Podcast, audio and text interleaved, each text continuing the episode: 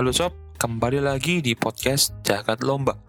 Nah, kesempatan kali ini saya mau sharing mengenai bagaimana sih cara mengatur atau memilih atau memprioritaskan lah bahasanya antara organisasi, kemudian prestasi, dan juga akademik, terutama dalam kehidupan kita sebagai pelajar dan juga uh, apa namanya orang yang senang lomba atau pelajar yang senang lomba seperti itu sob. Ya mungkin ini pertanyaan yang juga dulu saya tanyakan kepada mentor saya kepada coach saya kemudian kepada kating-kating kakak tingkat di organisasi kemudian apa namanya di organisasi yang prestasi eh, kira-kira yang mana sih yang perlu kita utamakan? Nah, secara umum memang kan ada tiga apa namanya challenge uh, tantangan utama ya, ketika kita menjadi seorang pelajar bagaimana cara menyeimbangkan atau mengatur waktu di antara ketiganya. Dan tentu saja sob, alokasi ketiganya, maksudnya total ketiganya tidak akan lebih dari 100% seperti itu ya kita bicara fakta aja kan nggak mungkin kan sobat 100% all out di organisasi di samping all out 100% di prestasi dan juga sobat 100% all out di akademik. Ya kita bicara fakta saja ya sob pasti ada yang satu ataupun dua yang dikorbankan. Jangan sampai ketiganya dikorbankan.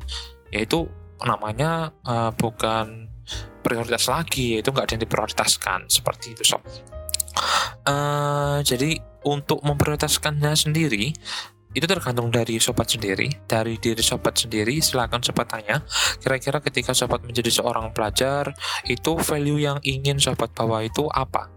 Apakah sobat itu menjadi seorang pelajar untuk mengikuti organisasi, mengembangkan soft skill, atau untuk mencari prestasi, ikutan lomba-lomba, kemudian apa namanya uh, sering ikut lomba, kemudian berprestasi seperti itulah kurang lebih.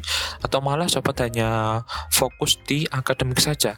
Jadi ya istilahnya fokus ke kuliahnya saja, kemudian belajar seperti itu. Ya itu tergantung diri sobat sendiri. Ya mungkin banyak orang yang bilang itu kuliah pulang, kuliah pulang. Nah itu mungkin uh, kalau saya pribadi sih kurang setuju karena itu ya tergantung kembali lagi dari orangnya. Ya mungkin orang tersebut memiliki tanggung jawab untuk uh, menyelesaikan akademiknya dengan yang terbaik seperti itu. Jadi akhirnya dia hanya fokus dalam belajar seperti itu. Jadi tergantung lagi dari sobat. Nah kemudian di sini uh, apakah misalnya nih apakah bisa mengalokasikan maksimal ketiganya? Nah kalau saya pribadi berpendapat tidak bisa, pasti ada yang harus dikorbankan salah satu atau malah dua yang dikorbankan seperti yang saya contohkan tadi. Orang yang apa namanya hanya fokus di akademik ternyata organisasi dan prestasinya uh, kurang maksimal seperti itu. Nah, kalau saya pribadi bagaimana? Waktu itu semester 1 dan 2 akademik nomor satu karena saya masih ada tanggungan kepada orang tua saya. Jadi istilahnya kalau sobat masih ditanggung biayanya oleh orang tua, maka sobat memiliki tanggung jawab untuk menyelesaikan dan istilahnya apa ya, e, memanfaatkannya secara maksimal dalam hal akademik. Nah, kemudian dari situ sobat bisa explore yang lain hingga nantinya sobat tidak bergantung lagi kepada e, pembiayaan yang didapat. Seperti itu entah itu sobat ikut organisasi maupun prestasi, namun tetap sob karena sobat di sini masih uh, pembiayaan, jadi ya sobat harus mengutamakan akademik dulu. Karena kan nggak mungkin kan uh, sobat itu disuruhnya, oh kamu masuk ke kampus A, masuk ke jurusan A, kamu ikut organisasi ini aja ya, fokus organisasi saja, jangan fokus akademik seperti itu. Jadi masih ada uh, hal yang lebih diutamakan, akademik seperti itu sob. Karena ya bisa dibilang pandangan masyarakat mainstream kita saat ini bukan seberapa aktif kamu di suatu organisasi maupun berapa banyak prestasi yang kamu kumpulkan namun seberapa cepat kamu lulus dan seberapa besar IPK yang kamu dapat. Itu yang secara mainstream ya sob. Karena ya ya itu yang terjadi di uh, di masyarakat kita. Seperti itu sob. Nah bagaimana jika sobat itu lebih fokus ke organisasi dan prestasi?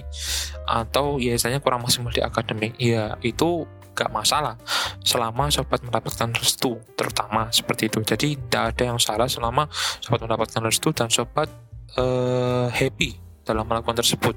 Dan tentu saja, ketika sobat melakukan hal tersebut, entah itu kamu ke organisasi maupun prestasi, tidak ada dikorbankan. Jangan sampai sobat uh, join ke organisasi maupun berprestasi, ternyata ketika kerja kelompok, sobat gak datang. Atau ketika ada tugas kelompok, PR kelompok, sobat nggak ngerjakan. Nah, itu yang mengorbankan orang lain. Dan itu uh, sangat salah. Jadi harus ada yang namanya penyeimbangan. Meskipun uh, kurang maksimal di salah satunya. Seperti itu, sob. Dan lain halnya, atau lain lagi seperti itu, sobat juga perlu menentukan yang namanya target. Entah itu lulus tepat waktu, 4 tahun mungkin atau lebih cepat IPK 4 atau prestasi banyak. Nah, itu silakan sobat tentukan sendiri. Uh, lebih baik lagi, better ketika sobat itu uh, di awal semester atau di ya di awal semester ya, di awal semester itu menentukan kira-kira apa saja yang ingin saya explore selama satu semester ke depan atau selama satu tahun ke depan. Silakan sobat tentukan sendiri jalannya sobat masing-masing. Seperti itu. Nah kalau saya pribadi kembali lagi jangan sampai menunda akademik. Jadi kerjakan tugas tepat waktu dulu karena sobat memiliki tanggung jawab ke kampus. Kemudian uh, setelah selesai semua tugasnya baru bisa eksplor lebih entah itu di organisasi maupun di prestasi. Ya istilahnya ada yang namanya opportunity cost lah. Kerjakan dulu akademiknya secara maksimal baru setelah ya selesai semua silakan sobat kembali ke organisasi dan prestasi. Jangan sampai kebalik-balik. Itu menurut saya ya karena misalnya nih sobat aktif di organisasi tapi akademiknya kurang baik. Terus sobat di DO kan nggak salah organisasinya kan?